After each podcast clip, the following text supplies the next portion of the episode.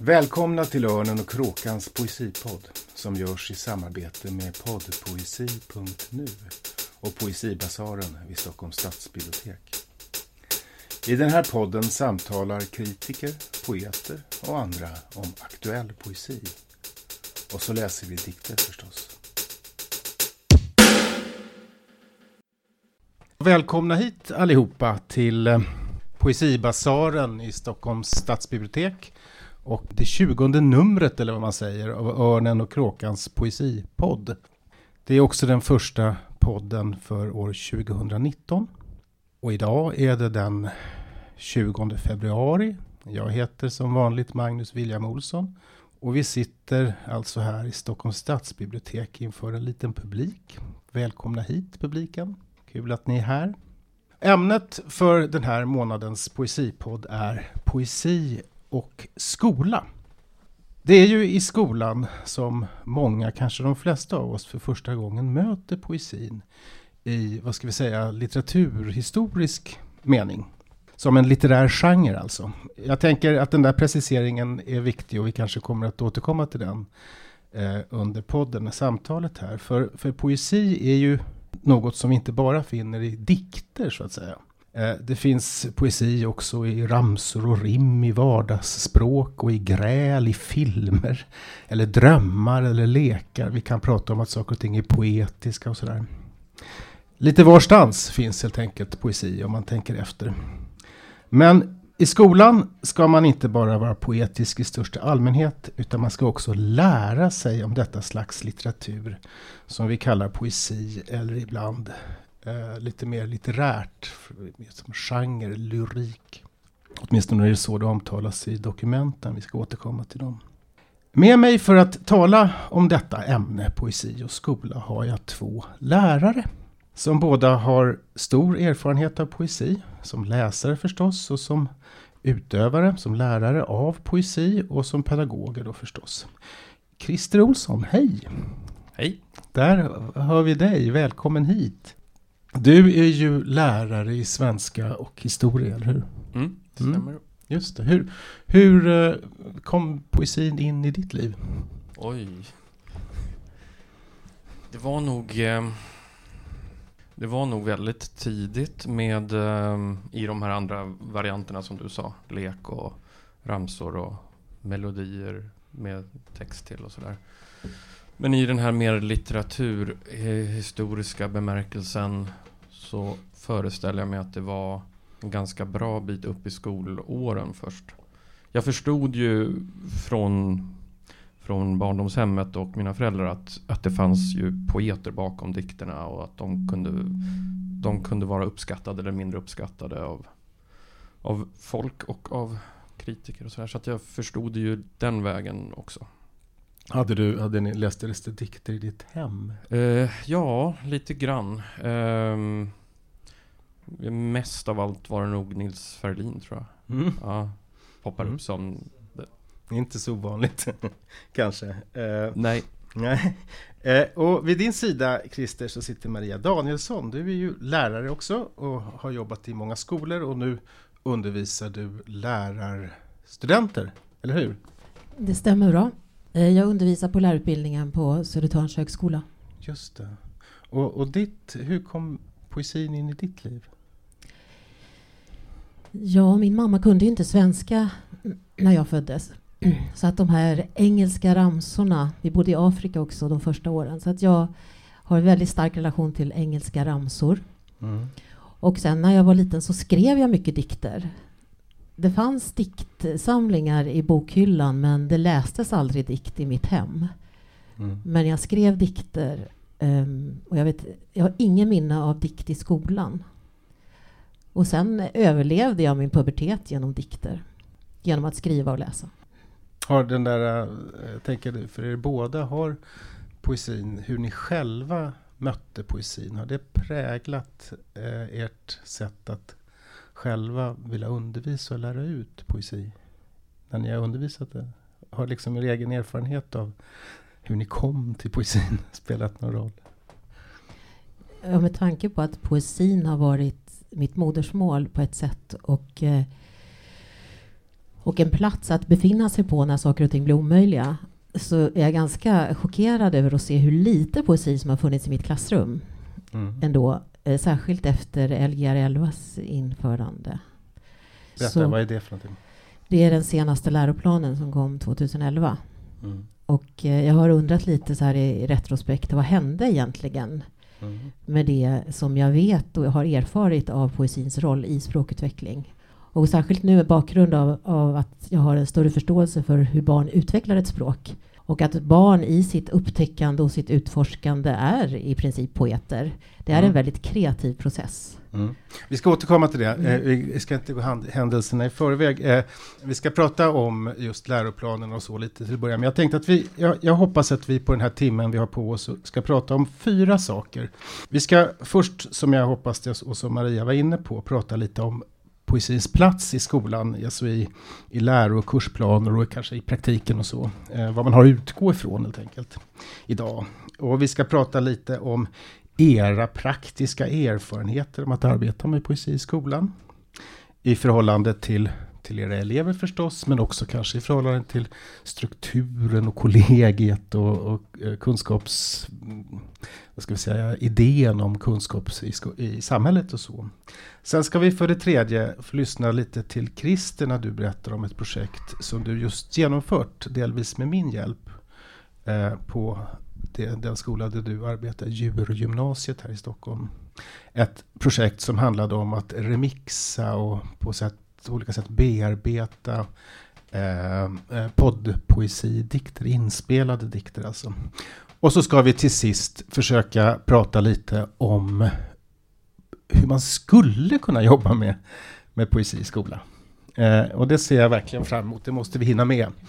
Eh, och så har jag bett er att ta med lite ljudexempel som vi ska lyssna på också vad det lider. Men, men låt oss återvända nu Maria till det du sa om, om eh, vad säger eh, dokumenten, vad säger eh, läroplaner och kursplaner och så om, om lyrik i, i skolan? Ja, om jag fokuserar på grundskolan då så är ju skolämnet en syntes av retorik, eh, litteraturvetenskap och språkvetenskap.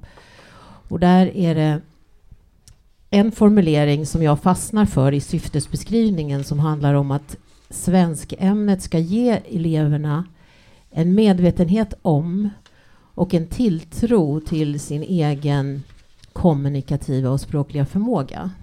Mm. Och, och, det förutsätter ju en mottagare och det förutsätter att skolan bygger vidare på det barnet redan har erövrat. Så det där, det där återkommer jag hela tiden till, den där formuleringen. Hur, hur kan man iscensätta det i en undervisning? Mm. Och då kan man tänka sig att lyriken är ett verktyg. Eh, Exakt, jag, jag, ser det faktiskt som ett eh, mm. didaktiskt verktyg. Att det är genom, inte det, i, utifrån ett litteraturvetenskapligt perspektiv är det att man lär om lyrik. Mm. Men här tänker jag genom mm. poesi. Eh, erövrar man sitt språk och får språket in i hjärta och öra. Det där det är intressant. Jag tänker på, på du Christer, du, du, du eh, sitter ju praktiskt och har, du har de här klasserna, gymnasieklasserna som du har. Och eh, i, i kursplanerna där så står det väl någonting som ger dig möjlighet att arbeta med lyrik eller inte ger dig möjlighet. Vad är det? Hur är det? Ja, det ger möjlighet men, men eh, det ger också möjlighet att låta bli. Ehm, vilket man kan tycka olika om. Men det står, det står bara formuleringar i stil med exempelvis lyrik och sådär. Så man kan som lärare med gott samvete undvika poesin i 300 timmar med sina gymnasieelever om man vill. Eh, men man kan också göra tvärtom och låta det ta ganska stor plats. Så mm. det är en frihet man har. Mm. Och det kan man väl säga, det finns, jag har läst en, en bok av en skrift, får man kanske säga, en rapport av Lars Wolf, heter han, som publicerades första gången 94, som handlar om lyrik i skola och där han eh, drar upp en historik och då säger från 1800-talet till då LGR, vad heter det, inte LGR, den heter läroplan 94. Mm. Eh, och då så säger han att först så, så var, skulle man ju läsa de stora, lära utan till framförallt de stora poeterna. Mm. Eh, och sen på 50-talet, eh, jag tror att det var 52 eller 56, kom det en läroplan som sa att, att började liksom intressera sig lite för relationen mellan eleverna och poesin. Och då varnade man då lite för att det här var ju hot stuff och man kunde tjäna mycket och sådär. Mm. Eh, och det kommer igen och, och sen på 70-talet, 72 kommer det väl en läroplan som betonade väldigt mycket rimmandet och språkarbetet. Eh, 80, Lgr 80 heter den. Den kom och den har också en sån där eh, liksom eh, fokus på görandet och så. Och sen kom då den här läroplanen 94 som överhuvudtaget inte nämner varken ordet poesi eller lyrik. Mm. Vilket är intressant. Så man kan ju se där att det på något sätt så, så förhåller sig också det här, läroplanen alltid förstås, men också det här lilla avsnittet till samhällsutvecklingen på olika sätt. Och, och, så. och det kanske också den nya läroplanen gör, tänker jag. Ja, ordet poesi finns bara på ett ställe och det är i um, centralt innehåll att man ska läsa poetiska texter och skönlitterära texter. Det är bara där det står. Så man behöver ha en förförståelse för språk för att kunna läsa mellan raderna mm. här. Eh, och en fara finns att man läser det för bokstavligt och använder det för att checka av ett innehåll. Mm. mm. Och jag tror att den där distinktionen som du gör där mellan att lära sig om poesi och lära sig genom eller ur eller hur eller i andra möjliga prepositioner. Jag menar det är ju helt okej okay att läsa Mina drömmars stad eller liksom läsa och prata om urbanisering eller något sånt där. Men dikter, då är det liksom, då, nu ska vi skriva höstdikt. Att det finns en, en slags idé, att det är om poesi man måste lära sig. Är, är, har jag fel i det? Mm, uh, vi har, det finns ju en massa formuleringar om hur, hur eleverna ska visa, vad de, vad de ska göra med sina litterära eh, upplevelser. Och det ser, lite, ser ju då olika ut i de tre olika svenskkurserna, varav bara en är obligatorisk för precis alla. Um, och då handlar det ju mycket om att analysera hur det är skrivet och hur innehållet går att applicera till, till allmänmänskliga saker eller jämföra dikter med varandra eller, eller koppla det till samhället uh, och, och uh, förstå sig, ja, lite sådana olika saker. Mm. Eh, däremot så finns det, och jag får ibland frågan av elever, får vi skriva egna berättelser i, i, på din kurs? Eh, får inte så ofta frågan, får jag skriva dikter? Men det händer. Mm. Eh, och det finns ju då formuleringar att de ska skriva väldigt mycket, det är väldigt tydligt att de ska skriva argumenterande texter och att de ska göra källbaserade texter och sådär. Men det står också eh, och andra texter. Så där kan man ju mm. egentligen då tolka det som poesi för mm. hela slanten. Mm. Men jag tror inte det är så vanligt. Nej. Nej. Um, ja, jag tänker, eh, kan ni inte berätta lite? Hur gör ni? Hur har ni gjort? Ja, ja den första erfarenhet som sticker ut var när jag var, gjorde min lärarpraktik. Eh, då jag hade en, en väldigt stark upplevelse av att elever involverades och blev delaktiga. Jag hade skrivit ordet jag och du på tavlan. Och så gemensamt så inventerade vi vad ett du kan vara. Att det kan vara ett jag i en framtid eller ett, en del av ett jag eller det kan vara en nallebjörn, en pappa, en mamma, en, ett syskon, Gud, vad som helst. Mm. Och så fick de i någon form som jag inte nu minns, eller om det ens var en form, så fick de komma igång. Och jag märkte, speciellt en elev som jag har framför mig som, satt, som var som en tryckkokare av någon form av ilska. Hon kom igång efter ett tag och skrev och hur det var någonting som släppte i henne. Och sen gjorde vi en bok av de där dikterna. Och den där erfarenheten blev ganska definierande för mig. Så jag hade med mig det under mina första år som lärare. Men sen försvann poesin mer och mer och idag när jag undervisar lärarstudenter och jag ser hur deras relation till text och framförallt skönlitterära texter och dikter är ett väldigt utanförskapsförhållande att de inte riktigt vågar lita på sin egen tolkning och går inte in i texten så har jag undervisat tillräckligt länge för att känna mig medansvarig för att det är så. Jag är del i att det har blivit så. Mm. Och att vi har, på att säga, gått på kvantitet istället för kvalitet. Att vi ska läsa många texter och fort och inför nationella prov och sådär istället för att gå in i text tillsammans och uppleva saker eh, och skapa eh, och leka med text. Och att språket blir också ett subjekt eh, som vi umgås med. Mm. Och, och på, e, på, sina egna villkor. Mm. Jag tänker att eh, jag har ju som poet varit i, ute i skolor i, eh, på olika sätt sedan 80-talet. Eh, och jag kan se att det förändrar sig på många, på många sätt. Alltså min, min grundläggande erfarenhet som, som poet som besöker skolor, det är att, att lärare är skräckslagna för poesi.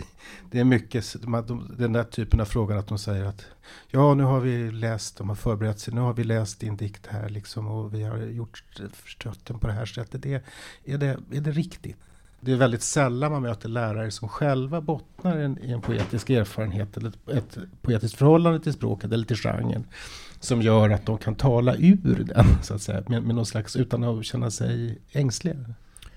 Ja, eh, jag kan knyta an några saker där. Det första eh, lärarnas ängslighet kring förståelse av poesi kan jag ju sammankoppla med att eleverna eh, uttrycker väldigt stor frustration när de inte förstår. Mm. Oavsett om det är att de sitter och inte litar på sina känslor i en teatersalong eller um, inte vågar vara säkra på att det de har uppfattat i, i en dikt mm. verkligen får uppfattas och sådär.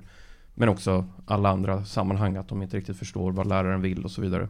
Så att det där måste man ju vara lite försiktig med för att utsätta dem för Jag tycker både poesi och teater är väldigt bra på att utmana det där att inte alltid ha full kontroll och veta mm. precis vad, vad, Men vad, de vad håller ju på med annan konst, framförallt musik lyssnar de ju på mycket som ju eh, där de inte känner det kravet att de måste Nej, fatta. Det, det ligger ju mycket i, i skolans eh, ansvar det där tror jag. För att om vi skulle tvinga dem att eh, lämna in analyser av mm. sina favoritlåtar och förhålla sig till kunskapskrav mm. så dödar vi nog det också. Mm.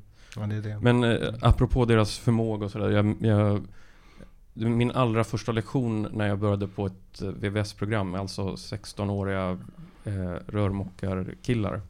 Så, så hade jag en och en halv timme lång lektion och så sa jag Hela den här lektionen går ut på att vi ska hitta så många olika hållbara analyser som möjligt av den här dikten. Och fixar vi inte minst sex väldigt bra analyser då kommer vi få jobbiga år ihop. Så vågade jag säga. Wow. Eh, men det blev bra och det var Per Lagerkvist spjutet är kastat och den är ju väldigt mm. tacksam för det. Och det funkade ju. De, mm. de hade massor att säga och då, då var... Men det handlar ju mycket om kommunikation. När de kommer med en fundering kring en dikt så handlar det om hur, hur man som lärare kan ta, ta hand om det lite grann. Mm. För att om vi då säger nu förstår jag inte vad du menar eller det stämmer ju inte. Vilket jag inte tror att de flesta lärare gör.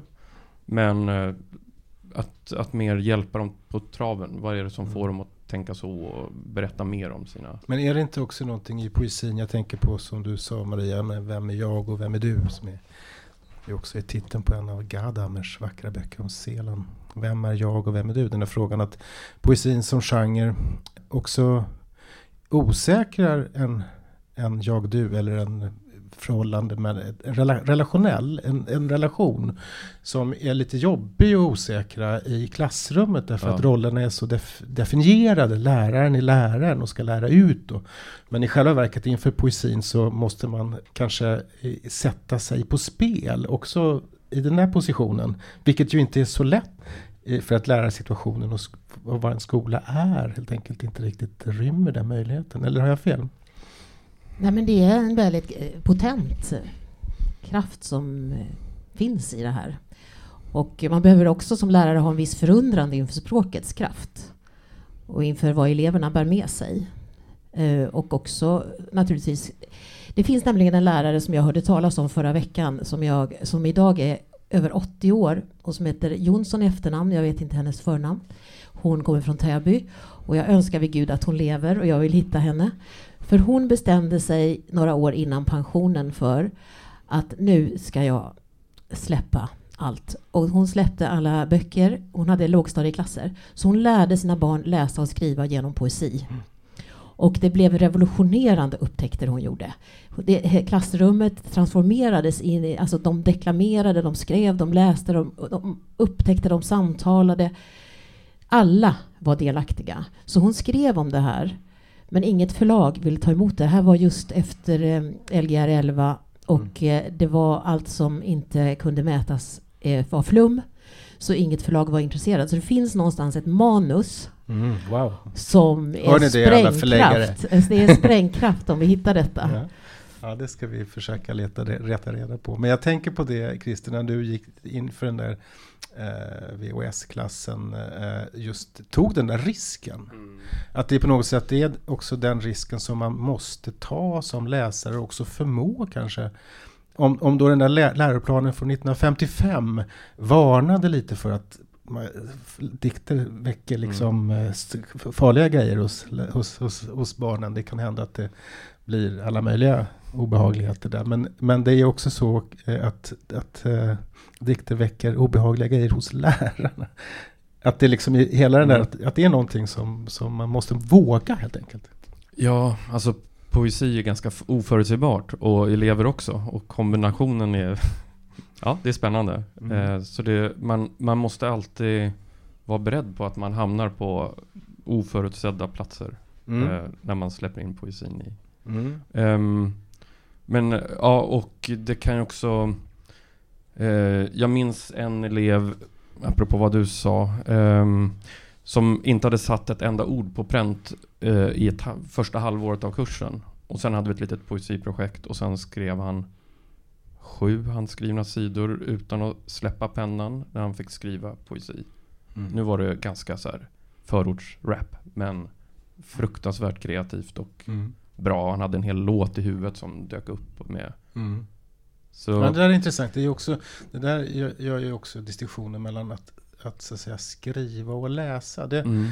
Om man läser, det finns ganska många uppsatser har jag sett på, eh, på Diva-portalen på nätet om som lärarstudenter har skrivit framförallt examensarbeten och uppsatser som handlar om poesi och skola. Det finns en del i alla fall och många intressanta. En del intervjuar lärare just om deras förhållanden. Men andra mm. intervjuar eh, barn, elever och, och deras, deras förhållanden. Det, man kan se där att eh, några av de, av de sätt eh, eh, som kommer fram till hur poesi behandlas i skolan. Det ena är just förhoppningen om, om att det, det poetiska förhållande till språket ska emancipiera eller liksom få att det hända någonting hos eleverna. Så som mm. du berättade här om den här eh, eleven som kunde skriva plötsligt. Mm.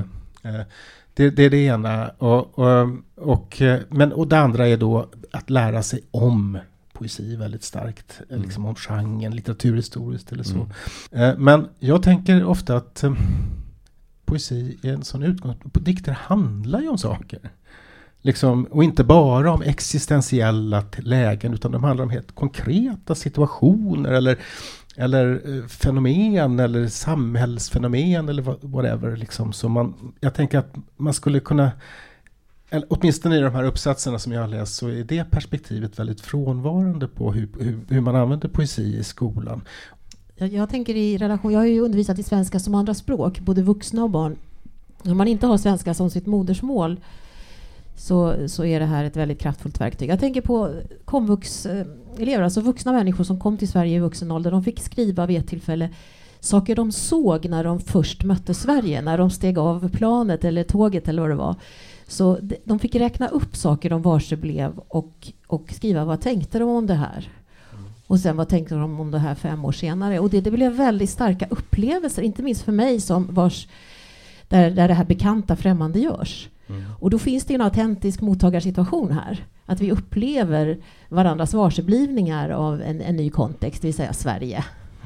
På ett väldigt konkret och, och enkelt sätt. Men mm. det blir upplevelser av språket. Och, och, det där sättet att få in språket i kroppen och i min erfarenhet och jag kan använda det, jag äger det, språket äger mig. Och, och, det viktigaste någon elev har sagt till mig en gång, det var en vuxen elev som sa så här, du har lärt mig älska det svenska språket. Och någonstans där sätter jag ribban. Men det, det, går inte utan poesin.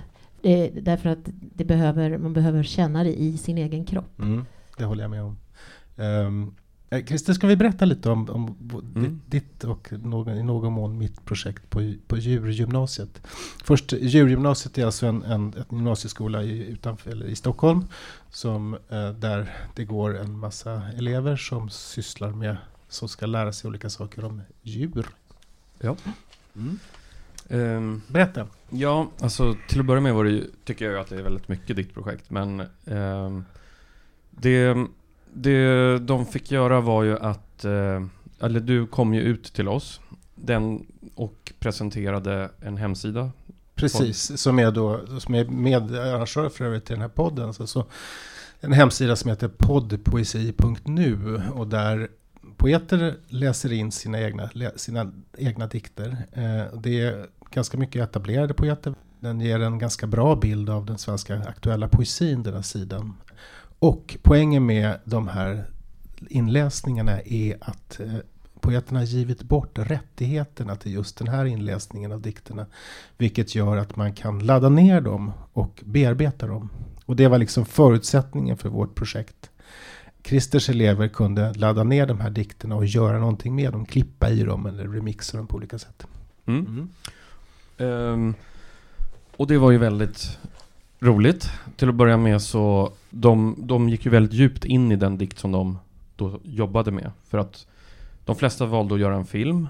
Några valde att eh, de fick, kan vi säga, de fick tre uppgifter mm. eh, att välja mellan. Eh, först skulle de då orientera sig på den här sidan och hitta lite vad de tyckte om de dikterna, lyssna på många då. Eh, och så fick de tre uppgifter. Det ena var att göra en, ladda ner en, en dikt och så göra en film om den. Det andra var att göra ett, en musik, ett ljud, remix, vanlig remix av den. Och det tredje var att göra en lista. Det vill säga att de skulle välja dikter av en eller annan utifrån kanske ett tema, kärlekstema eller whatever tema. Eh, och så göra den här listan och presentera den listan och sina val för, för klassen och spela upp dikterna. Ja, mm. ja och de, de fattade ganska omgående vad, vad det var de skulle göra och satte, satte igång. Och för mig som lärare så valde jag att, att inta liksom rollen av bara så här lite intresserad medmänniska. Men jag, jag höll inte i särskilt mycket. Utan det var deras egna projekt. De flesta jobbade tre och tre, lite kompisaktiga grupper. Och så höll de på i fem, sex timmar. Och de flesta hittade ganska snabbt en dikt som fick duga. Och sen la de krutet på att tolka den och eh, sätta, sätta bild och ljud kanske till. Mm. Eh, och all, jag fick ju se jättebra lösningar både på filmer och musik och de här spellistorna där de kopplade ihop dikter på intressanta sätt och sådär. Mm. Så det var väldigt roligt. Och sen var det ju mycket som blev väldigt riktigt mm. på det. Um, vi var ju inne på lite grann det här med närläsning och närläsningens betydelse men också frånvaro i skolan. Där, där elever läser väldigt mycket men också ofta under någon typ av stress och mm. Um, där det finns väldigt tydligt rätt och fel och sådär. Och här var det tvärtom. Eh, läsa samma text om och om igen, förstå den, lita på att de själva hade rätten att göra sin film. Mm. Eller, ja, man kan ju säga att, den här förstå, alltså att, att, analysera en dikt som ju är väldigt svårt eftersom ja. det är rätt lite lite av det som man får från en dikt som det överhuvudtaget finns språk för. Mm. Alltså i, i, i, hög utsträckning så måste man förbli stum inför dikter i någon mening som, som i, vad gäller analyser. Men mm. eh, den här, det här sättet gör det ju möjligt att förstå genom ett annat medium. Mm. Att förstå genom film, att koppla ihop med bilder eller, eller så. Det var ju så att säga det, mitt intryck av dem, och det bekräftas väl kanske av utvärderingarna, var ju att de inte, att de var betydligt mindre rädda för dikten som materia. Det där mm. som man kan känna när de fick göra en film av det helt enkelt. Mm. Eller sådär. Ska vi, eh, vi, vi, spelar upp något. Mm. Jag, jag, har gjort så här, det här är filmer och eh, om vi får tillåtelse av eleverna så kommer jag att lägga upp de här filmerna på hemsidan när vi presenterar den här podden den 27. De, de tre som ja, vi spelar upp nu, de har alla okejat att vi får ja, det. Men då så, då, gör vi, då, då blir det så den 27 på örnenochkråkan.se ornenockrakan.se heter det, eh, så kommer de där filmerna som vi nu spelar upp ljudet till, åtminstone några, eh, att, eh, att presenteras. Vilken ska vi börja med, Christer? Eh, nej men välj du, så... Jag tycker att vi börjar med den här dikten av, av Gila Mosaed. Mm går så här. Det här är då ljudet från deras film. Helt enkelt. Det låter så här.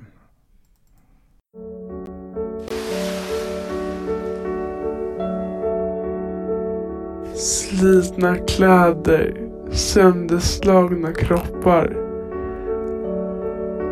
Tårar ljuger nu för tiden.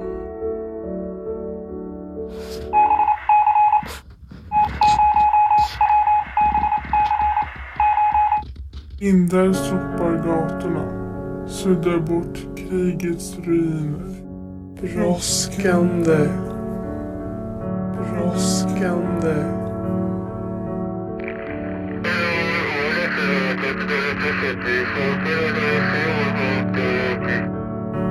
Folk köar, vill köpa sköna kuddar.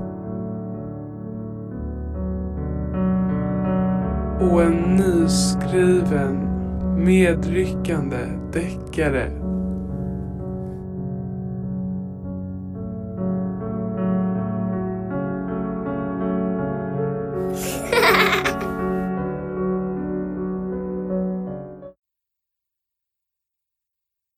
Ja, berätta lite. Ja, ehm, de har ju gjort väldigt mycket med sin film. De har hittat musik de tycker passar till. De har, som ni kanske hörde, läst in dikten själva med sina röster. De två tjejerna som gjorde det här. Och sen drog de ner tempot väldigt mycket. För det tyckte de behövdes för att man skulle ta in det. Men också för att då blir rösterna lite intressanta och sådär. Och sen har de bildsatt det med framförallt eh, bilder ur actionfilmer. Som förstärker eh, den tolkning de gjorde av dikten. Eh, så, och de, de här två eleverna satt och jobbade varenda lektion och däremellan.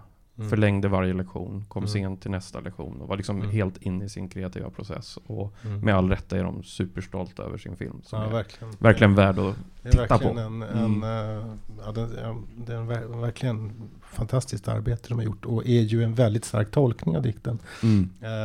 De tolkar det just så som jag läs, ser deras film, så som jag tolkar i min tur deras film.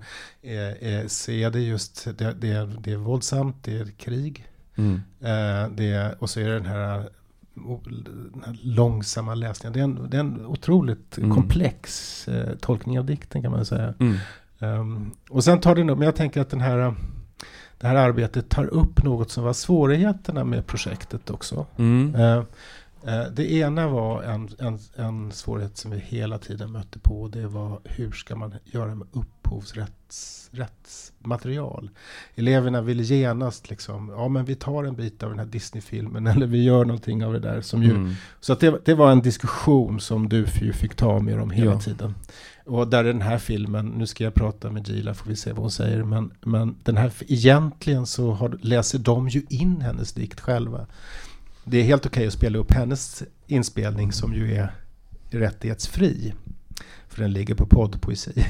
Men egentligen så är, berör man sig där i, en, i, en, i ett gränsland. Mm. Eh, eh, helt enkelt. Men det, det var en av, en av grejerna. Mm. Eh, och det andra som slog mig när vi jobbade, det var nu har jag sett i utvärderingarna, eleverna har utvärderat projekten, några, många av dem. Och, och då har de tagit upp frågan om teknik, att Mm. göra sån här, att göra film och så. Men mitt intryck var att de var så otroligt kompetenta på det. Alla kunde liksom, ingen frågade mig i alla fall. Liksom hur gör man en film? Eller hur ska man klippa det här? Så, utan det bara kunde de.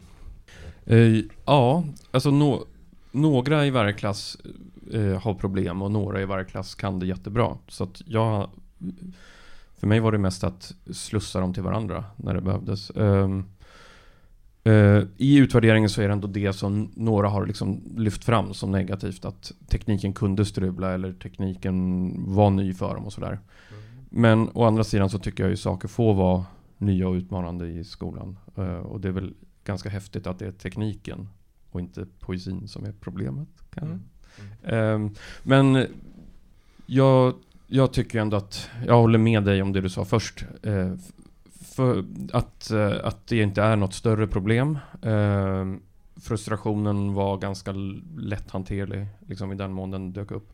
Och sen tycker jag att det är jätteskönt att de nu blir inte konsumenter utan producenter av digital kommunikation i olika medier. Det är jätteskönt för att det är så de blir lätt ganska passiva ute på det stora vida eh, internetet. Så att det, det är roligt och de kan ju det, Där gjorde ju du allting också extra riktigt för att Dels så får de ju en riktig relation till dikten. Sen ska de ha eh, potentiellt i alla fall riktig kommunikation till poeten och Mm. ute på internet. Eh, Och de måste förhålla sig på riktigt till eh, upphovsrätt. Och det har ju gjort att hela projektet har haft en, en, liksom en, en, en, ty, en, en tyngd som är lite ovanlig.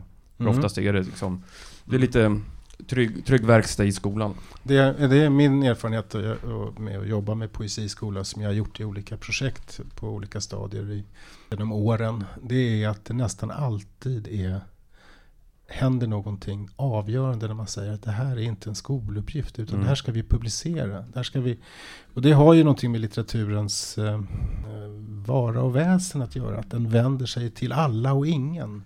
Den riktar sig mot alla. Den som vill kan läsa det här. Det är på allvar. Mm. Och det, det gör någonting direkt i, i, i relationen till deras arbete, i min erfarenhet eh, på något sätt.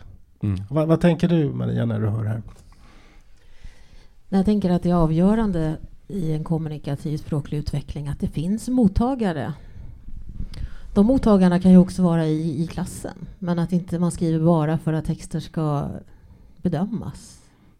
Det, det blir inte på språkets villkor eller på, på villkor som är utvecklande för själva språket. Så det där är ju oerhört in, fascinerande och inspirerande. Att det blir på riktigt. Att, att skolans, eh, klassrummets väggar ex- expanderar så att man är i världen.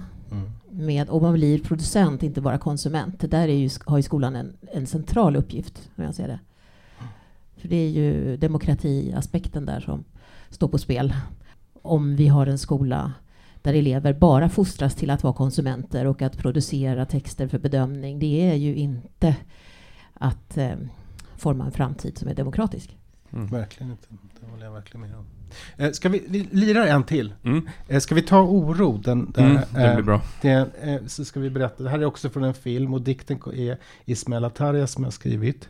Och det här är då en, ett filmljud. Det smäller i träden av kylan och klockan ringer in. Som vanligt är jag i tid till lektionen. I tid för skitsnack och gymnastik.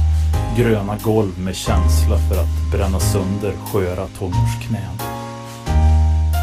Läraren blåser sin visselpipa och ljudet faller som en yxa. Delar upp klassen i två lag. Oron trillar likt ett rött band över min axel och som vanligt så är jag sist vald. Det kallas vardag kanske.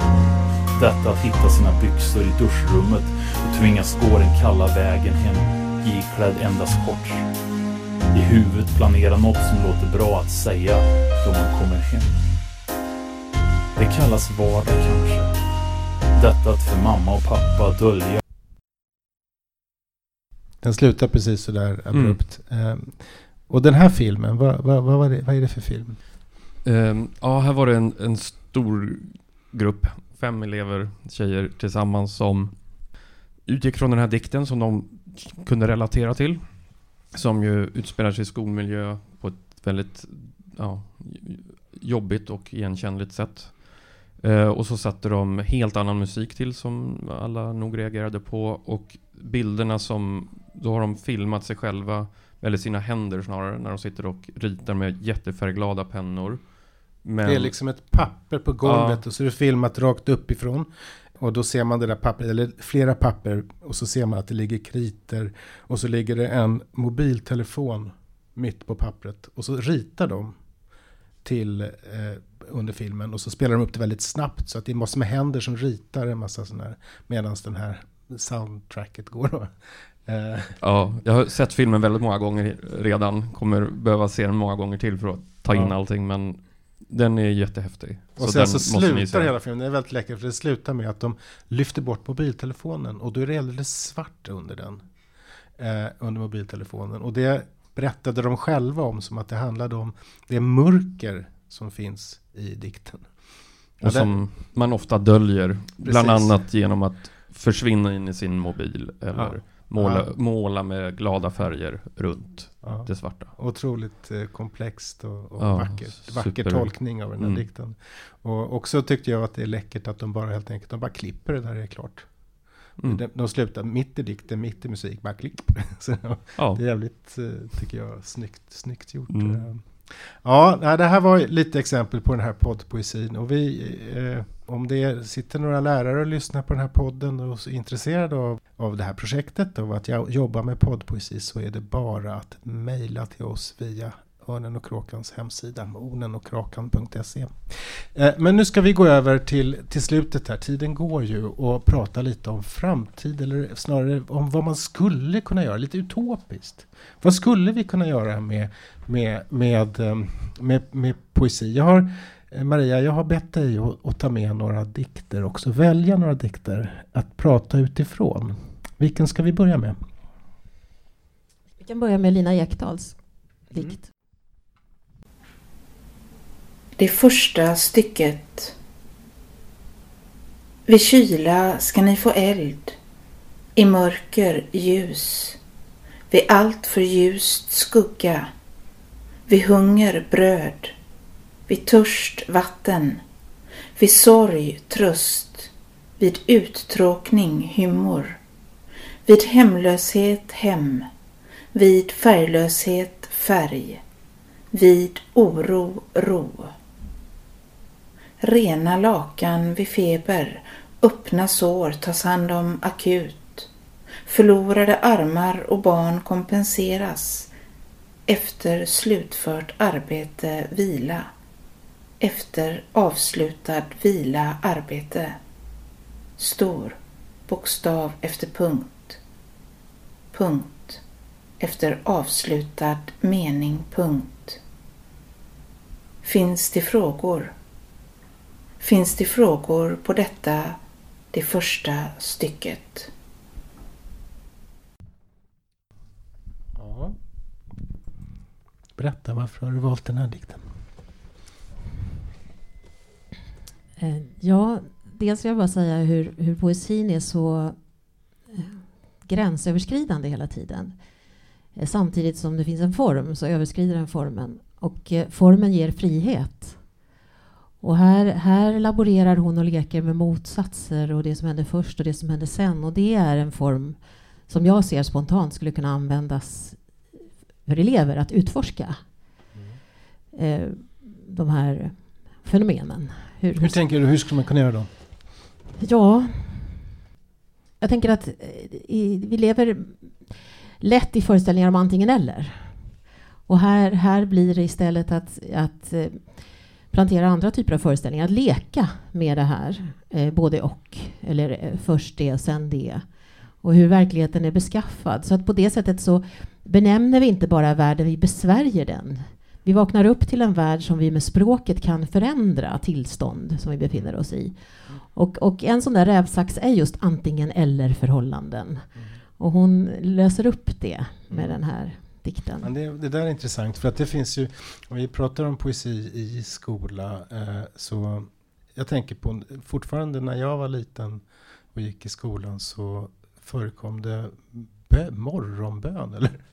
Eh, alltså bönen som, som eh, eh litterär genre, eller vad vi ska kalla den för, förekom. Eh, vilket ju var en ganska det, det är lite det du talar om, ett, alltså säga, en, ett, ett magiskt eller ett besvärjande förhållande till språket. Eh, som fanns, att man, liksom, man vill någonting. Eller man önskar sig någonting av vad det nu är språket eller genom språket. I, i, och det är, ju, eh, det är ju nästan alltid så i, i skolan, skolan att, att språket på något sätt ändå är instrumentellt. Alltså i den meningen att man ska, ska, man ska lära sig igenom det eller man ska liksom sådär eh, eh, sammanfatta eller man ska göra någonting hela tiden som är, som är i någon mening inte, eh, inte mekaniskt men det är i alla fall eh, syntetiskt i någon mening. Och där kan man ju tänka sig att poesin har en uppgift Ja, i allra högsta grad. För där kan ju eleverna fylla med sitt eget innehåll en mm. form och laborera med det. Och ha dikten som integritet. Det finns en integritet. Man, det, man fyller det med sitt eget innehåll men man, och man kan ha sårbarheten där men den formen gör att man är skyddad. Mm, Fiktionen precis. gör att man är skyddad. Mm. Så jag om jag ska berätta vad jag, mina lärarstudenter fick eh, använda för dikt när de skulle tänka undervisning i en tenta så använde jag en dikt som har rubriken När jag blir arg. Och jag fick många mejl där eh, studenterna tyckte, men vad ska jag göra med den här dikten? Jag förstår inte, hur ska jag tänka? Och jag sa, läs dikten och läs den igen och läs den igen, läs den högt för någon. Gå in i den. Och sen fick jag olika undervisnings... eh, Men ingen av de här undervisningsuppläggen tog utgångspunkt i vad den här dikten handlade om. Och eh, den här... Vad, vad, vad, vad, vad, gjorde de istället då? Jo, de, de undvek den. Mm. De undvek den och, eller, eller zoomade in på någon detalj i dikten som om den handlade om hur det känns att vara arg. Men den handlar om när jag blir arg så gör de andra så här. När jag blir glad så gör de andra så här. Det handlar om en dynamik mellan jag och de andra. Mm. Så om jag gör så här, då händer det. Så det är ju också en form som elever skulle kunna utforska. Att vad händer, när jag gör så här, då gör de andra så. Och det är också ett utforskande av normer i ett givet sammanhang. Eh, I andra sammanhang, jag sa att det där... Ingen av mina studenter eh, kunde identifiera vad handlar den här dikten om och vilken Mm. form kan jag använda i undervisningen. Så att nu ska jag träffa samma studenter igen på nästa kurs. Så att det som jag laborerar med utifrån den här erfarenheten att ha läst de här tentorna är ju hur ska jag kunna få poesin i en framskjuten ställning i den här kommande kursen? Mm. Ehm, För att jag har ju förutsatt att de har med sig någon erfarenhet av eh, text, eh, av, att- av att gå in i textvärldar. Men det, är inte, det kan jag inte förutsätta, inser jag, när jag läser te, eh, tentorna. Och, Mm. och, och den osäkerheten de har inför sin egen läsning, det är den Mm. vi behöver stärka upp. Och jag frågade mina studenter, hur många av er kan en eh, dikt utan till? Och ingen kan ju Mm. en dikt utan till eh, då, men de kan ju låttexter några. Men, Mm. Men det där är ju en, det där tänker jag igen på den gamla tidens skola där utantilläsningen var så att man skulle recitera helt enkelt. Eh, Du, du Christer, du har ju låtit dina eh, elever läsa. Mm. Gjorde de inte? De fick läsa på olika sätt. Var det inte Ja, så? just det. Ja, som en liten uppvärmning.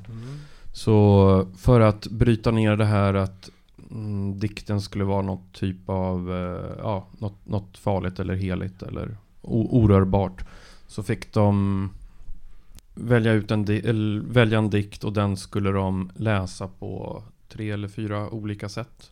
Typ argt, eh, ilsket, eh, uppgivet, vad det nu var. Eh, och se hur orden eller dikten förändrades och sådär. Och det tror jag ändå tjänade just syftet. De tyckte det var lite obekvämt. Lite läskigt sådär. Men, eh, men de förstod ju att eh, man, kan ge, man kan ge dikter olika färg. Eh, och på samma sätt som det mesta annat. Beroende på hur man möter en dikt, vem man själv är och vem man är just i den stunden så påverkar det. Men jag tänker också det ni var inne på tidigare att ehm, jag hade en klass där det var en del rasistiska tendenser och det där kändes väldigt svårt för mig att veta hur jag skulle gå in i. Eh, så då valde jag några som jag tyckte passande dikter. En, en Heidenstam-dikt om Sverige och en Kent-låttext om Sverige. Och så läste vi dem och pratade om om eh, allt möjligt och kom, kom åt ganska mycket. Och det där är, det är inte då utopiskt eftersom jag har gjort det och det funkade. Men, men att lite oftare eh, låta poesin och annan skönlitteratur kanske, filmer är ganska Mm. annorlunda men ofta tacksamma. Vägleda oss att kunna prata om det, om elefanten i rummet utan att behöva benämna det. Mm. Alltså att, att de förstår själva kanske att det handlar om dem, men vi behöver inte uttala det.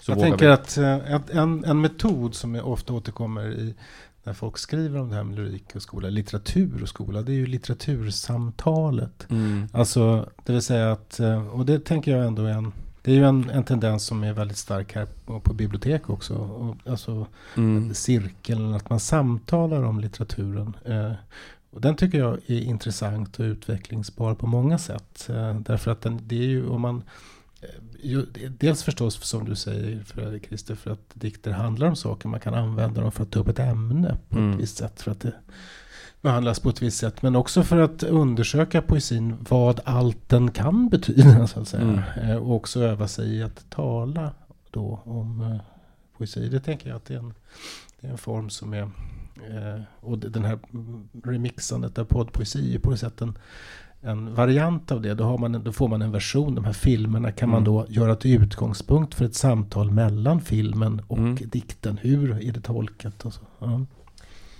Och jag, jag tänker en annan aspekt av det här att låta dikten bli kropp i rummet i talet är ju att många elever har ju talängsliga.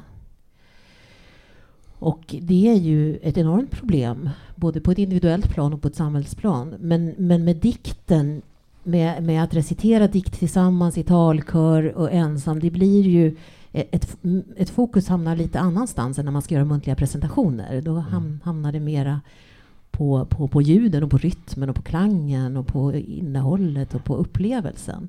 Och på det sättet kan man ge elever röst i rummet Mm. som annars är tysta. Så att eh, någonstans 20 procent av alla elever sitter ju tysta genom sin skolgång. Vilket är anmärkningsvärt och hemskt. Jag tänkte ta upp en sista grej egentligen och det är det här med skolan som struktur och, eh, och hur den krockar med poesin. Eh, När vi har pratat, Christer, du och jag, med det här projektet då, då har du ibland varit inne på frågan om betyg. Mm. Hur ska man få, eftersom det är så eh, tajt i skolan, framförallt på gymnasiet hela tiden och eleverna undrar vad kommer det här på betyget, kommer det här, ska det här tas upp och det är så viktigt för alla. Och det kan man tycka vad man vill om förstås, men så är det. Mm. Och eh, om man ska kunna lägga mycket tid på någonting, till exempel sådana här poesiprojekt, så måste man också på något sätt kunna få in det i den här administrativa strukturen som Mm. betygen. Vad, vad, vad tänker ni om det? För att det, det är ju viktigt för, för om, du, om du Maria vill att dina studenter ska arbeta med poesi när de kommer ut som, som lärare så måste de också kunna passa in poesin i både i läroplanen Mm. men också i det här med den administrativa strukturen, betygsstrukturen och så. Jag tänker att om jag i slutändan ska få ett betygsunderlag så vill jag ju först få alla delaktiga och skapa ett sådant socialt klimat där alla vågar vara delaktiga. Det är nummer ett. Men eh, det är ju en, en dubbelhet i lärarrollen. Att man både ska stödja en utveckling och sen också bedöma. Ja, eh, det håller jag ju med om. Och, eh, men i just det här projektet, nu valde jag förvisso en eller två, kla- två klasser där, där vi låg bra till. Så att blev det inte mycket till betygsunderlag så, så, ja, så visste jag att eh, vi hade lite utrymme för det i alla fall. Hur som helst så frågar de egentligen inte en enda gång Blir jag betygsatt på det här? Hur kan du bedöma min känsla? Och sånt där. Kom aldrig upp. De, de brukar fråga om det och de brukar be om klarhet i liksom vad som förväntas. Men de, de, de märkte att det här kanske var lite annorlunda. Och sen förstod ju jag ändå själv att jo, men det här kommer handla om källkritik och det kommer vara poesianalys och det kommer vara ditten och datten. Och, och eh, allt som finns i svenskan går egentligen att koppla till poesi. Det, det, det handlar bara om att ehm, mm, ja, om man bara lägger dem bredvid varandra och säger poesi och det här, hur, hur blir det? Så, så man kan, allt funkar. Men i det här fallet så fick de ju riktigt bra betygsunderlag. Och jag kunde göra djup, eh, jag förstod, i och med att de hade fått fördjupa sig så mycket i dikten så kunde jag ju också jag blev ju mycket, jag blev ju mycket säkrare än vad jag brukar kunna vara. Eller det var lättare att bli säker. Jag kunde också fråga dem nästan vad som helst om dikten och även liksom bara i korridoren veckan efter. Och de har ju full koll.